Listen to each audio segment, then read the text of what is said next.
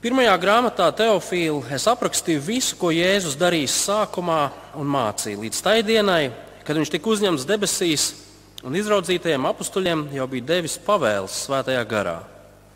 Pēc savām ciešanām viņš nostājās dzīves viņu priekšā, un 40, dienas, un 40 dienās viņš tos daudzas reizes pierādīja, tiem parādīdamies un runādams par Dievu valstību. Kopīgi mīlestību ietrot, viņš tiem pavēlēja Neaiziet no Jeruzalemes, bet sagaidiet tēva apsolījumu, ko jau dzirdējāt no manis. Jānis kristīja ar ūdeni, bet jūs pēc nedaudz dienām kristīs svētajā garā. Tad tie, kas bija sapulcējušies, viņam jautāja, kungs, vai tu šajā laikā no jauna uzcels Izraēlam ķēniņu valsti? Viņš tiem sacīja, nav jūsu daļa zināt laiku vai stundu, ko tēvs ir nolicis savā varā. Bet jūs saņemsiet svētā gara spēku, kas nāks pār jums, un jūs būsiet mani liecinieki gan Jeruzalemē, gan visā Jūdejā, gan Samarijā, un līdz pat pasaules galam. Un to pateicis, viņš tiem redzot, tika pacelts, un mākslinieks uzņēma viņu prom no to acīm. Viņam aizejot, tie cieši lūkojās debesīs un redzi, divi vīri baltās drānās pie tiem nostājās un sacīja: Galilejieši, ko stāvat skatīdamies debesīs? Šis jēzus, kas uzņems debesīs prom no jums, tāpat nāks, kā jūs redzējāt, viņa debesīs aizējām. Tas ir tā kunga vārds. Amen. Pirms mēs pārdomājam šo iespējams tik zināmo raksturvietu, lūgsim Dievu.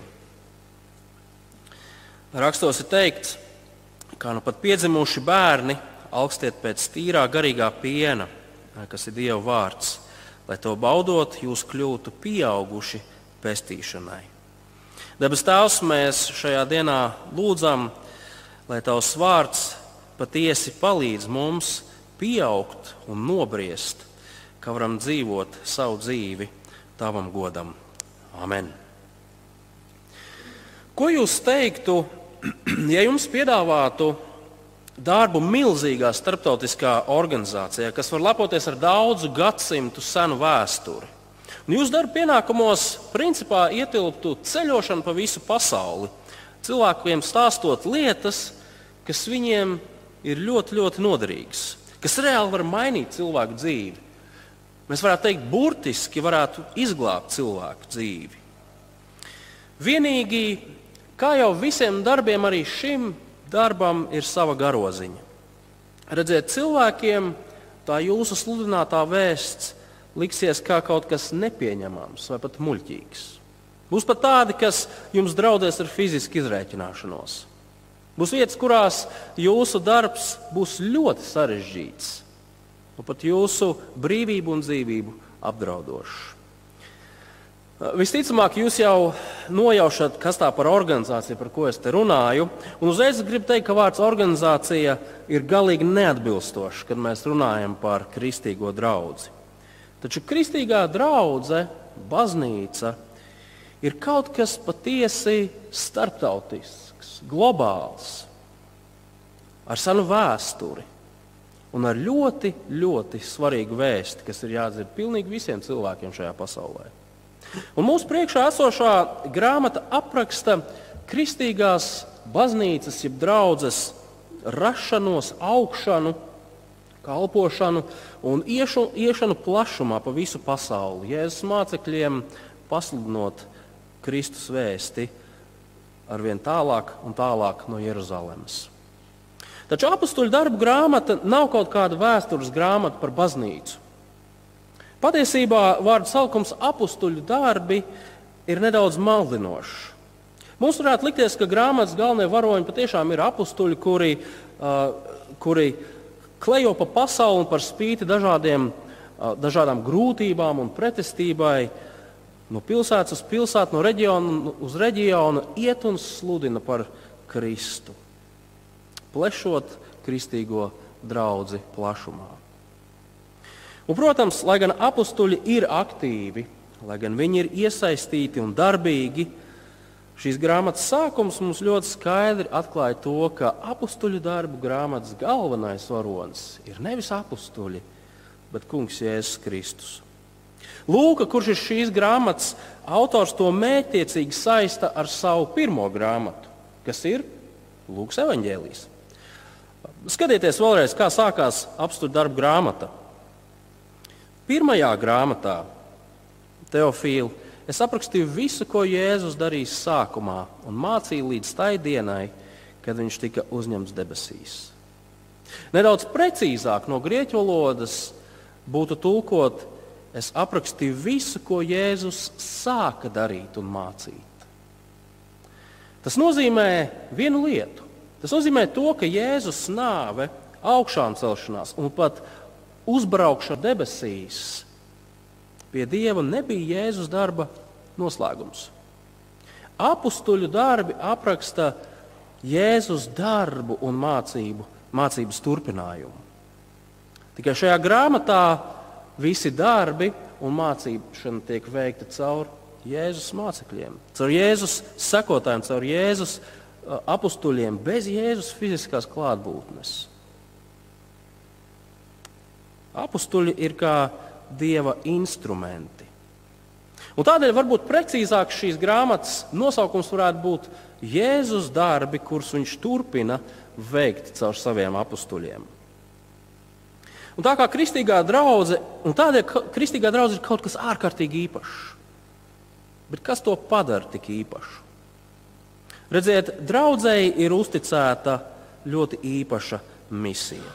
Visai pasaulē pasludināt par Jēzu Kristu. Kāds varbūt uzreiz teiks, nu labi, bet vienalga, kāpēc tas ir tik īpaši? Kāpēc visai pasaulē vajadzētu zināt par Jēzu Kristu? Šīs dienas raksturvieta skaidri pasaka, Jēzus ir Dieva izdzētais valdnieks. Un tas nozīmē, ka viņš ir vienīgais, kurš cilvēkiem var dāvāt glābšanu. Ne jau fizisku vai, vai, vai politisku glābšanu, bet glābšanu no grēka, glābšanu no dieva dusmām. Dievs vēlas cilvēkam dāvāt glābšanu. Un viņš ir izraudzījies draugu, savus apstuļus un uz viņiem būvēto draugu lai šī glābšanas vēsts nonāktu pie cilvēkiem visā pasaulē. Šī draudzes misija sākas ar Jēzus apstuļiem, bet tā turpinās un attiecās arī uz mums. Piederēt kristīgai draudzēji nozīmē turēties pie mācības, ko mācīja apstuļi. Viņu misija ir draudzes misija.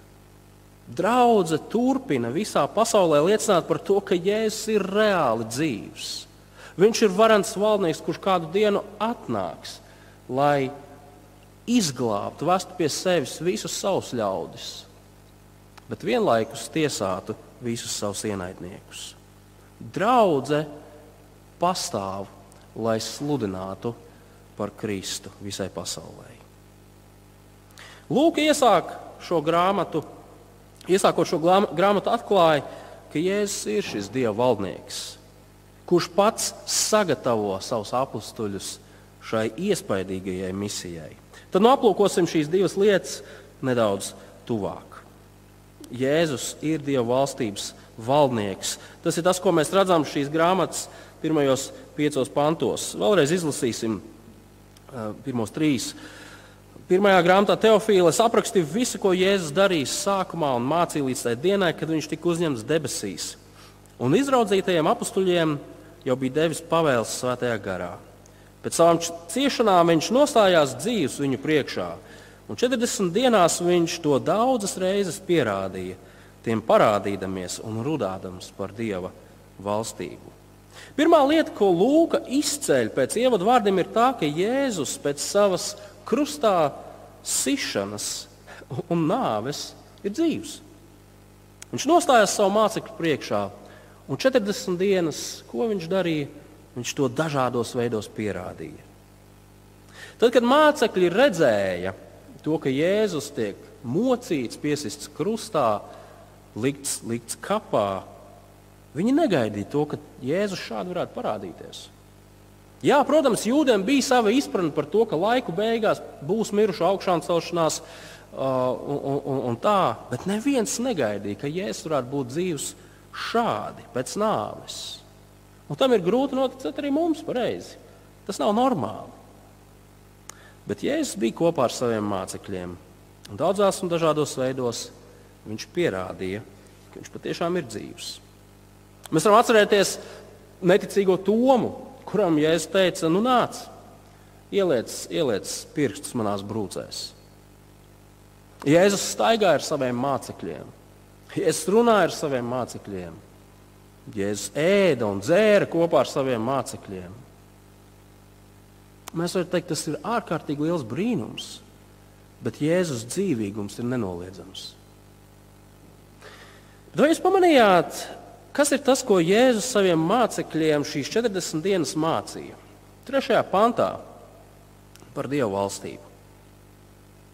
Un tad, kad mēs dzirdam vārdu Dieva valstība, mums ir jāsaprot, ka runa nav par teritoriju pie vidusjūras.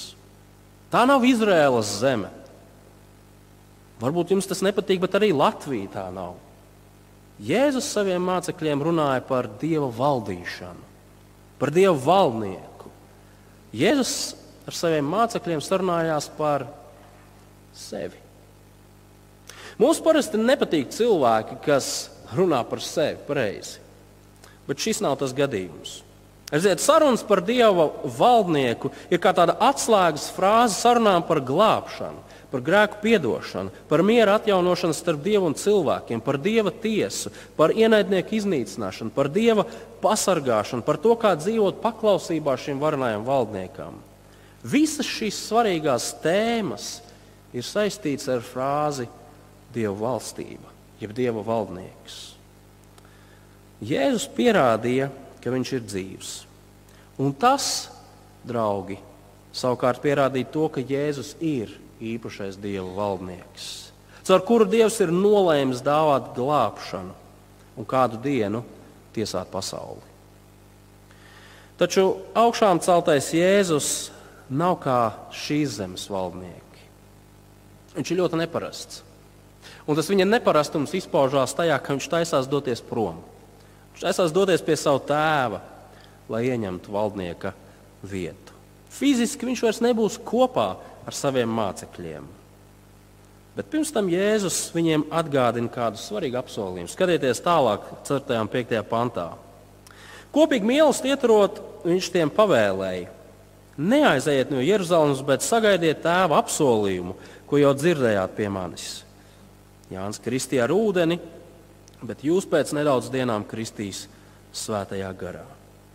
Jau Lūkas evanģēlīja izskaņā Jēzus runāja par to, ka mācekļiem būs jāsludina visiem cilvēkiem atgriešanās no grēkiem, lai cilvēki varētu saņemt atdošanu un izlīgumu ar Dievu. Un šis darbs sāksies Jeruzalemē. Šajā darbā mācekļi nebūs vieni paši. Viņi nedarbosies savā spēkā. Viņiem tiks dots svētā gara spēks. Kas ir svētais gars? Svētais gars ir tas pats trīsvienības trešā persona - Dieva gars. Pats Jēzus ir izredzējis savus darba veicējus un sola tiem dot visu nepieciešamo, lai viņi varētu veikt šo grandiozo, milzīgo uzdevumu. Visticamāk, mācekļi šajā brīdī tā līdz galam īsti nemaz nenojauta to, kas viņus nākotnē sagaida. Ko, to, ko tieši nozīmēs liecināt par Jēzu? Bet šajā brīdī, lai kā tas arī nebūtu, viņu satrauktās sirdis var būt mierīgas. Kāpēc? Tāpēc, ka Jēzus ir dzīvs. Un viņš savus mācekļus neatstās vienus. Šis lielais uzdevums ir kaut kas tāds, aiz kā stāv pats Dievs. Dievs nostājās ar visiem simt procentiem. Ja, tu, ja par to tā padomā, vai tas nedod lielu drošību? Nezināma milzīga misija, bet pats Dievs stāv aiz šīs misijas. Tas ir līdzīgi kā, es nezinu, īpaši kaut kādos um, dažādos amatniecības arodos. Uh, jaunais māceklis, viņš mēģina pats saviem spēkiem veikt kaut kādu darbu, un viņam aiz muguras stāv viņa skolotājs, lielais meistars, kurš rūpīgi seko katrai mācekļa darbībai, pie vajadzības dodot kādu padomu, reizēm paņemot instrumentus savās rokās un nedaudz pielabojot mācekļu pieļauto kļūdu. Šāds māceklis izjūt milzīgu atbildību. Pareizi. Taču vienlaikus viņš jūtas ļoti droši. Līdzīgi arī mācekļi. Milzīgs uzdevums, bet viņi var justies droši, tāpēc ka viņi nav vieni. Viņi nebūs vieni ar priekšā esošo projektu. Un tieši tas ir tas, ko Lūka iesākot šo grāmatu vēlas saviem lasītājiem nodot. Draudzes misija ir Dieva misija.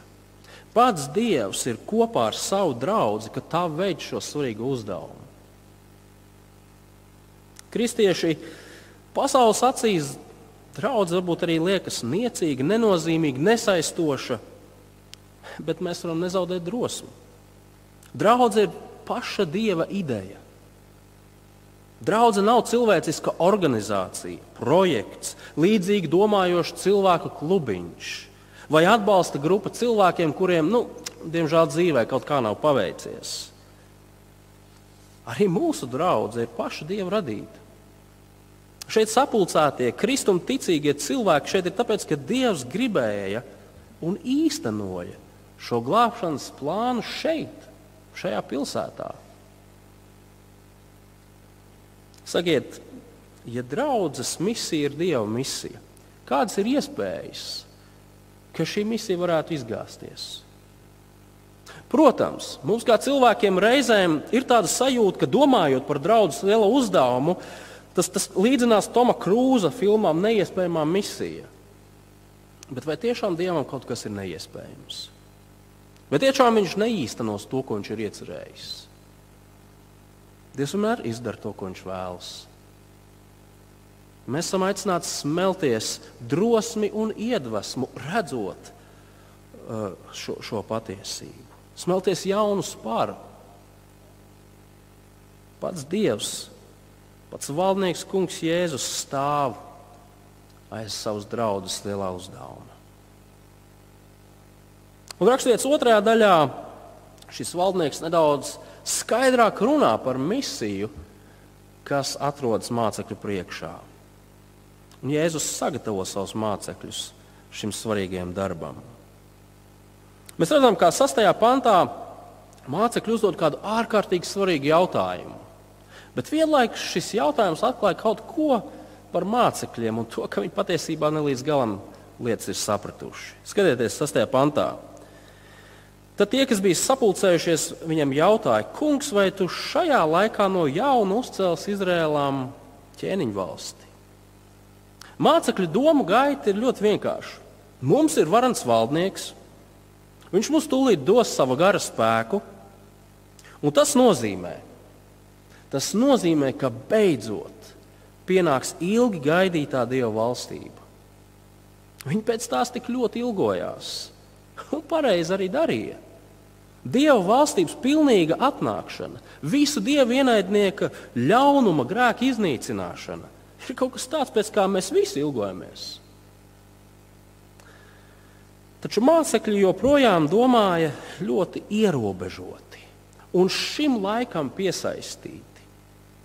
Viņi Jēzum prasīja, vai šajā laikā, tagad, pēc piecām minūtēm, pārnestā nozīmē, tiks atjaunota Izraēla valsts. Tāda, kāda tā pastāvēja piemēram ķēniņa Dāvida laikā. Mācekļu, tāpat kā visu citu normālu jūdu sapnis, bija redzēt to, ka Romas okupanti tiek sadzīti, satriekti jūrā, un Izraela atkal ir brīva zeme, kurā no pasaules malām var sabraukt izkliedētās 12 ciltis, dzīvot mierā, dzīvot labklājībā, un dieva aizbildniecībā. Un tā ir pievilcīga doma. Un ir kristieši, kur domā līdzīgi. Viņiem liekas, ka Dieva valstība ir kaut, kas, kaut kāds ģeopolitisks lielums. Tā ir iespējams šeit un tagad. Mums tikai ir jāparūpējas par to, lai valdībā tiktu ievēlēti kristīgi politiķi. Cilvēki, kas stāv par kristīgām vērtībām. Mums ir jāmācās sabiedrībai dzīvot saskaņā ar rakstiem. Un tad Dievs būs kopā ar mums. Un tad šī zeme būs Dieva īpašā vieta. Un skaidrs, ka lai gan sabiedrība, kas ir balstīta kristīgās vērtībās, ir daudz labāka sabiedrība nekā sabiedrība, kas balstās neskādās tur jocīgās vērtībās, mums jāsaprot pareizi, ka Dievs nevēlas šajā zemē, šeit un tagad, radīt paradīze zemes virsū. Dieva plāns ir citādāks.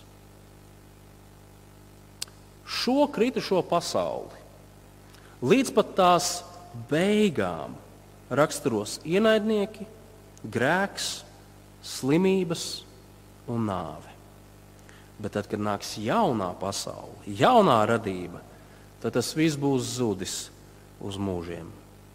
Un tādēļ Jēzus savus mācekļus saudzīgi, bet ļoti skaidri palabo. Jēzus mācekļiem vēl šis tas ir jāiemācās par Dievu valstību. Un pirmkārt, Jēzus pasaka, ka Dieva valstība ir citādāka nekā mācekļi to gaidīja. Jo redziet, tā nav dibināta šeit un tagad, uz šīs zemes, noteiktā laikā un vietā. Tā nav šāda mērāma. 7. pantā viņš šiem sacīja, nav jūsu daļa zināt laiku vai stundu, ko, dēvs, ko tēvs ir nolicis savā varā. Tikai Dievs zina to, kad būs pienācis īstais laiks visiem redzamā veidā demonstrēt savu valstību.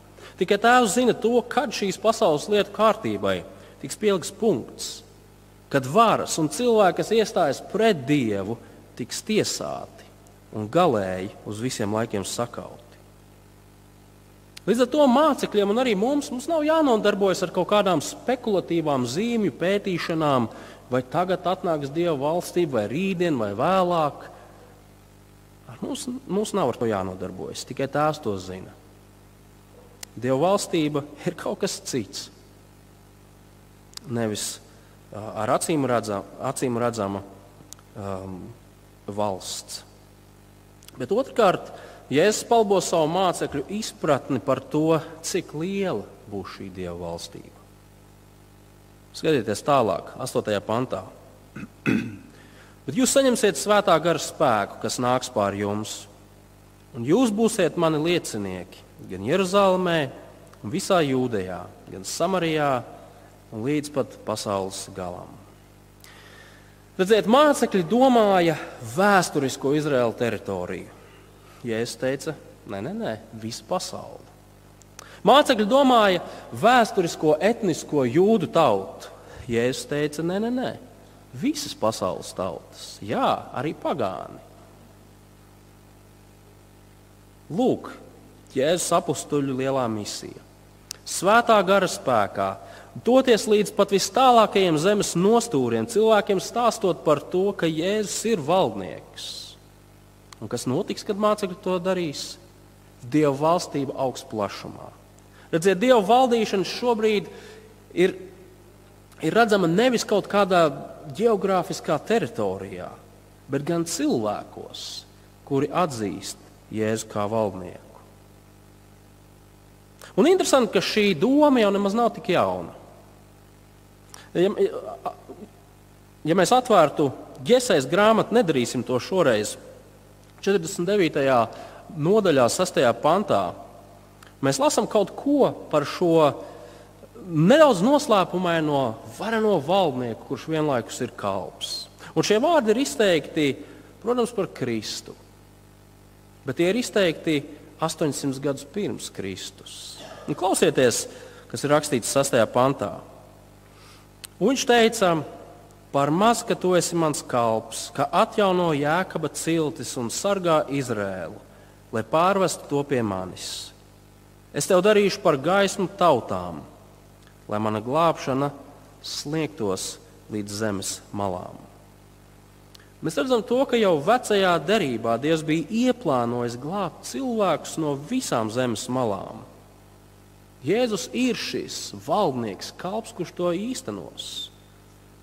Un tagad viņš gatavo savus apstuļus, kur lielā misija būs doties līdz zemes malām, līdz vis tālākajiem nostūriem, lai sludinātu par šo kalpu, valdnieku, kurš glābj un kādu dienu tiesās.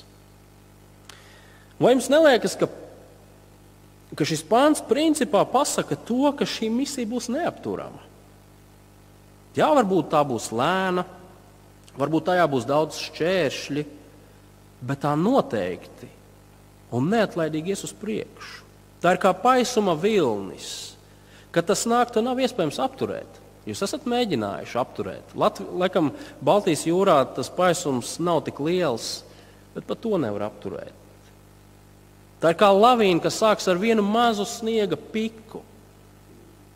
Bet jo tuvāk pakājai tā nonāk, jo vairāk koks tā aizrauja sev līdzi. Tā ir kā tāda viena dzirkstelīte, kas ir ielikusi sausās niedrēs. Dieva misija nav apturama līdz zemes galiem, līdz zemes malām. Un kā tad izpaužas gara spēks, ko Jēzus šajā pantā pieminēja? Divējādi. Pirmkārt, gars palīdz pašiem apstuļiem turēties un saprast visu to, ko Jēzus viņiem ir mācījis. Jēzus savulaik teica, lai mācekļi nebaidās, ka gars viņiem dos gudrību, ko teikt, kad viņi saskarsies ar opozīciju. Gars ir tas, kas palīdz mācekļiem stāvēt patiesībā, runāt patiesību, neaizmirst patiesību. Bet otrkārt, gars strādā arī pie klausītāja. Svētais gars ir tas, kas izgaismo cilvēka, ja tā var teikt, garīgo redzi. Svētais gars ir tas, kas izmaina cilvēka sirdi. Gara spēkā šī misija tiks īstenot līdz pasaules galam. Apostoli bija īpaši cilvēki, piekritīsiet. Viņi bija Jēzus dzīves, nāves, augšām celšanās atsliecinieki. Tādi kā apstuļi, kā šie, nekad vairs nebūs. Ja kāds sevi sauc par apstuli, man ļoti žēl, bet jums ir vajadzīga palīdzība. Taču kā mēs redzēsim pēc pāris svētdienām, Svētais gars tiek dots ne tikai apstuļiem, tas tiek dots parastiem kristiešiem. Un tādā ziņā mēs visi esam līdzīgi apstuļiem. Tādi paši kā Jēzus pirmie mācekļi ir visi kristieši cauri gadsimtiem. Ja piesaucam kungu Jēzu par savu glābēju, mums tiek dots gars. Un tas nozīmē, ka gars strādā arī pie mums, un tas nozīmē, ka gars strādā arī caur mums. Viņš mums dod izpratni, viņš mums palīdz saprast Jēzus vārdus, viņš mūs māca, viņš mūs audzina un viņš strādā pie klausītājiem, kas klausās tajā, ko mēs sakām par evaņģēlīju. Ziniet, ko vēl tas nozīmē? Tas nozīmē, ka apstuļu misija ir arī mūsu misija. Mēs stāvam apstuļu vārdos, viņu liecībā. Tā ir vēsts, ko mēs esam aicināti pasludināt. Un caur šo pasludināšanu ar vien jaunu un jaunu cilvēki tiek vesti pie glābjošās vēsts. Protams, mēs dzīvojam kādus 2000 gadus pēc šiem vārdiem. Un tādēļ mēs sevi varam saukt par ļoti privileģētiem cilvēkiem. Kāpēc? Tāpēc, ka mēs redzam, ka viss ir noticis tieši tā, kā Jēzus solīja saviem mācekļiem. Vēsts par Kristu ir aizsniegusi visus pasaules kontinentus. Pat Antarktīdā ir baznīca, kur notiek dievkalpojumi. Kristiešu skaits cauri gadsimtiem ir mērāms simtos miljonu. Draudzes misija nekas nav spējis apturēt un ierobežot. Pat vietās, kas mums liekas tik cietas un bīstamas, ir kristieši. Mums, latviešiem, ļoti labi ir zināms tas, kā kristiešiem gāja Padomju Savienībā. Taču arī tur bija kristieši. Mēs varam lasīt par to, cik grūti kristiešiem klājas islāma valstīs bet arī tur ir kristīgas draudzes. Vai, piemēram, Ķīna, šī lielā komunisti, komunistiskā valsts. Izrādās, ka kristiešu skaits Ķīnā pārsniedz komunistiskās partijas locekļu skaitu. Un tas ir kaut kas neiedomājami liels. Skatoties šajā lielajā bildē, mēs varam gūt drosmi, mēs varam gūt iedvesmu, mēs varam teikt, jā, nekas nevar apturēt Dieva misiju. Un, ziniet, šī misija vēl nav galā. Tā turpinās. Tā turpināsies tik ilgi, līdz kungs Jēzus nāks otrais. Un tas ir tas, ar ko šī raksturvieta nobeidzās. Skatieties no 9. panta.